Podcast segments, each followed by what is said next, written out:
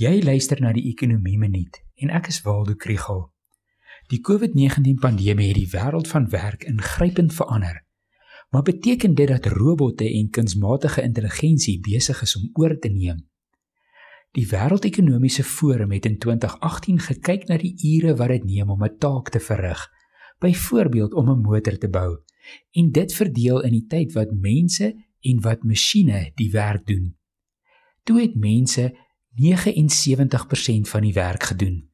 Maar die WEF het voorspel dat teen 2025 gaan robotte en algoritmes net soveel ure as mense werk. Die vraag is of die pandemie hierdie proses versnel het. Om te outomatiseer kan 'n manier wees om te keer dat die virus versprei en mense siek word.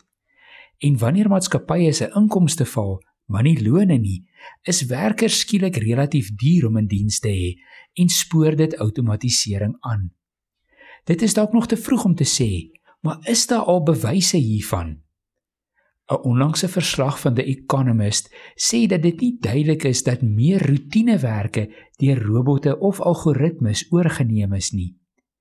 Een van die redes is dat outomatisering moeilik is en die soort konsultante wat maatskappye daarmee help, kon nie rondreis om die nodige werk te doen nie.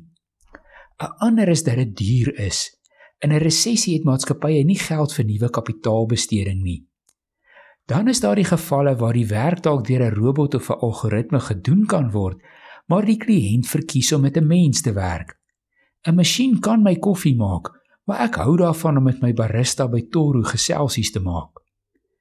Daar is natuurlik verskille tussen sektore en ek hoop om hierdie week nog meer te praat oor hierdie interessante onderwerp.